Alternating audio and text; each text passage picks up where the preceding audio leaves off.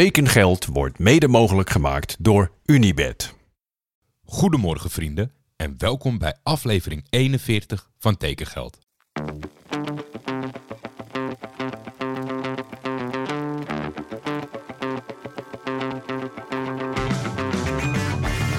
Waar gaat Hilterman naartoe? Tijd is geld. En veel geld in voetbal is bijna een garantie voor succes. Hallo Paul, this is Hans Nijland. I would like to invite you here in Groningen. In de zomer gaat Van de Beek naar Gaat van de week gewoon naar Real Madrid. Manchester United hoeft niet meer te bellen. Die hoeven niet te bellen. Nee, nee.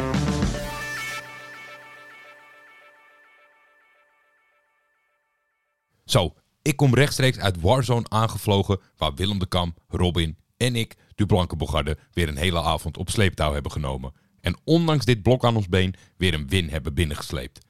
Wat veel soepeler gaat dan Warzone met Dublanke Bogarde zijn de bestellingen. Dankjewel aan iedereen die er weer bij is. Over naar de orde van de dag. Ik denk dat niemand het zag aankomen, maar vandaag stond redelijk in het teken van Desley Ubink. Wie, zei u vanochtend nog? Maar inmiddels is een sluwe streek van de communicatiemanager in het gezicht van de club en speler ontploft. We begonnen de dag met het bericht dat FC Emmen een voetbalnomade had aangetrokken voor wat extra ervaring. Niet een eigenschap die Desley zelf zoekt, maar dat terzijde. Ik heb Broes nog, zit deze speler in jouw Rolodex en we lachen omdat we geen idee hebben. Kazachstan, Slowakije, Polen en Roemenië, dus helemaal gek was het niet.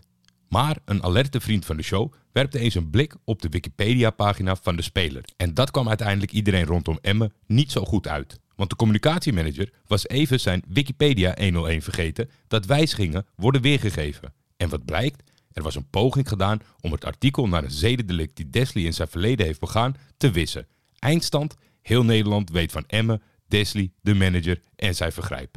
En gezien de handelswijze denk ik ook maar helemaal prima zo. Dan over naar een normale transfer. MVV Maastricht heeft namelijk per direct Brian Nieling van Fortuna Sittard overgenomen. De linksbenige centrale verdediger wordt de rest van het seizoen gehuurd van de buren uit Sittard.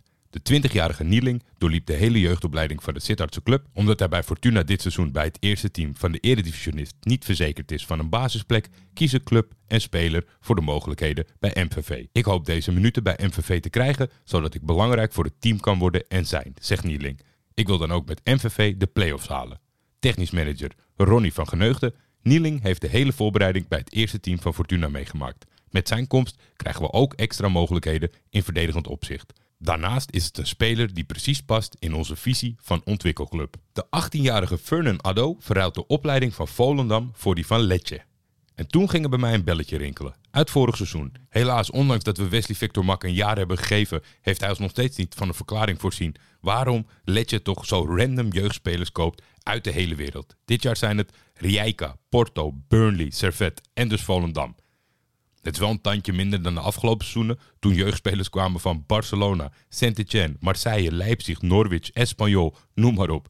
Ik heb geen idee, maar in ieder geval veel succes Vernon. Tot slot haalt Heerenveen met Ion Nicolescu een aanvallende versterking en niet zomaar één. Ion is namelijk topscorer aller tijden van Moldavië en dat al op 24-jarige leeftijd.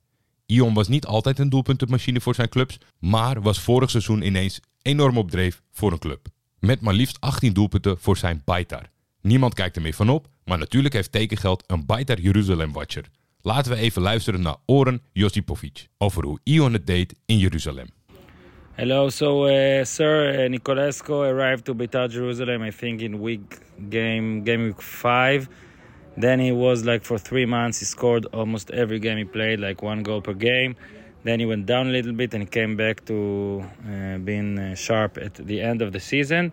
Uh, he's not the fastest, uh, but with all the fights over the middle, with all the duel, he's like the perfect guy. He wins most of his duels. He gets the goals with ambition, not only with uh, being accurate. He's also accurate, but in every every like the time there is like a duel, it seems like he gets the ball and uh, he's the first bit, uh, between him and the defender. He scored a lot of goals like that. Most of his goals, by the way, are from counter attacks when the defense is not ready. He can run with the ball. Uh, he can also pass it well. He had a very good statistic uh, uh, performance for a club like Beitar Jerusalem. And uh, the only thing that is, I don't know, make you worry or make you think is that what I heard is from the club they didn't uh, believe that he will be able to do the same statistic feats again. So they were okay with selling it, and he didn't have a lot of buyers besides I think Krakow uh, that was uh, uh, after him. Uh, so uh, to sum it up, a very great fighter, a great striker. Like when the team wins 3-0 and he doesn't score, he can get upset. Like he's very, very focused and he wants to score. And uh, again, as I said, uh, fighter, very good fighter. Nou, wel echt een transfer die erg in mijn profiel past om naar uit te kijken en door verrast te worden. Ik heb een positief gevoel bij Nicolescu. Eigenlijk doen we dit alleen op zondag, maar voor Bas maak ik een uitzondering. Hij stelde namelijk een vraag naar aanleiding van de, naar aanleiding van de loting van zijn FC Twente. Hey Jordi, moet ik me als Twente-fan al zorgen over de loting met Fenerbahce maken of heeft Twente nog kans? Allereerst Bas, het is een manier van vooruitkijken die ik toch niet meer aandurf hoor. Want Twente moet zelf eerst nog langs Riga, Venner langs Maribor en we weten allemaal, kleintjes bestaan niet meer. Dus inhoudelijk ga ik hem even uitstellen. Maar ik zou me niet zoveel zorgen maken. Helaas, namelijk, als Nederlandse clubs Turkse treffen, eindigt het meestal niet goed voor de Turkse clubs. Er zijn een aantal van die clash der stijlen waarin de winnaar bijna altijd bekend staat. Waar bijvoorbeeld Turkse ploegen op een goede avond in een volle heksenketel echt wel een aardig rijtje giganten hebben verslagen, lukt het in het natte winderige Nederland bijna nooit. En ik denk tot grote frustratie van de grote fanscharen hier. Als jij het toch fijner vindt om je nu alvast zorgen te maken, dan zou ik mij zorgen maken over een kaartje. Want als het echt zover komt, dan ga je heel veel blauw-geel zien in de vesten. Mochten beide clubs het halen, kom ik bij je terug, maar neem nou echt van mij aan, stap voor stap. En als laatste, Ronalds tekengeld transferbingo. Tot voor kort leefde Nick Marsman de droom van veel appartementen. Dagelijks in de buurt zijn van Lionel Messi. Maar zo gaat het altijd als je Leo de huissleutels geeft. Al het meubilair dat hij niet ziet zitten, gaat de straat op. Dus ineens is Nick clubloos. Maar daar moet toch wel iets voor te verzinnen zijn op korte termijn? Waar tekent Marsman een contract voor aankomend seizoen? Vertel het mij op de bekende plek en ik spreek jullie morgen.